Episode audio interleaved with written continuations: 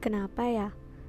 Di malam hari itu, pikiran kita bisa bertebangan bebas ke lorong-lorong ruang penyimpanan memori. Pasti kalian pernah kan, tiba-tiba banget mimpi lagi ada di masa-masa sekolah. Padahal kita sadar, masa itu udah lewat.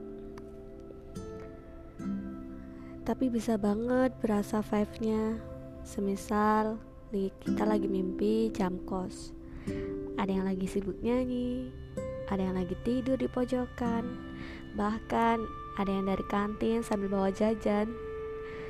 Rasanya kita yang sekarang nih bener-bener lagi nyaksikan kejadian itu secara langsung. Meskipun cuma mimpi, itu udah happy banget. Aura-aura kangen mulai bermunculan. Terus jadi kepikiran deh sama hal-hal yang lagi dijalani sekarang. Mulai ada perbandingan kecil di benak.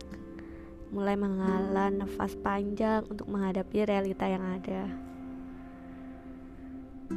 Ternyata hal kecil sesimpel jam kos yang dulu kita anggap nggak penting bisa jadi obat loh untuk rasa penat kita yang sekarang. Waktu berlalu sangat cepat ya. Secepat diri kita yang sudah melewati banyak sekali masa dan momen.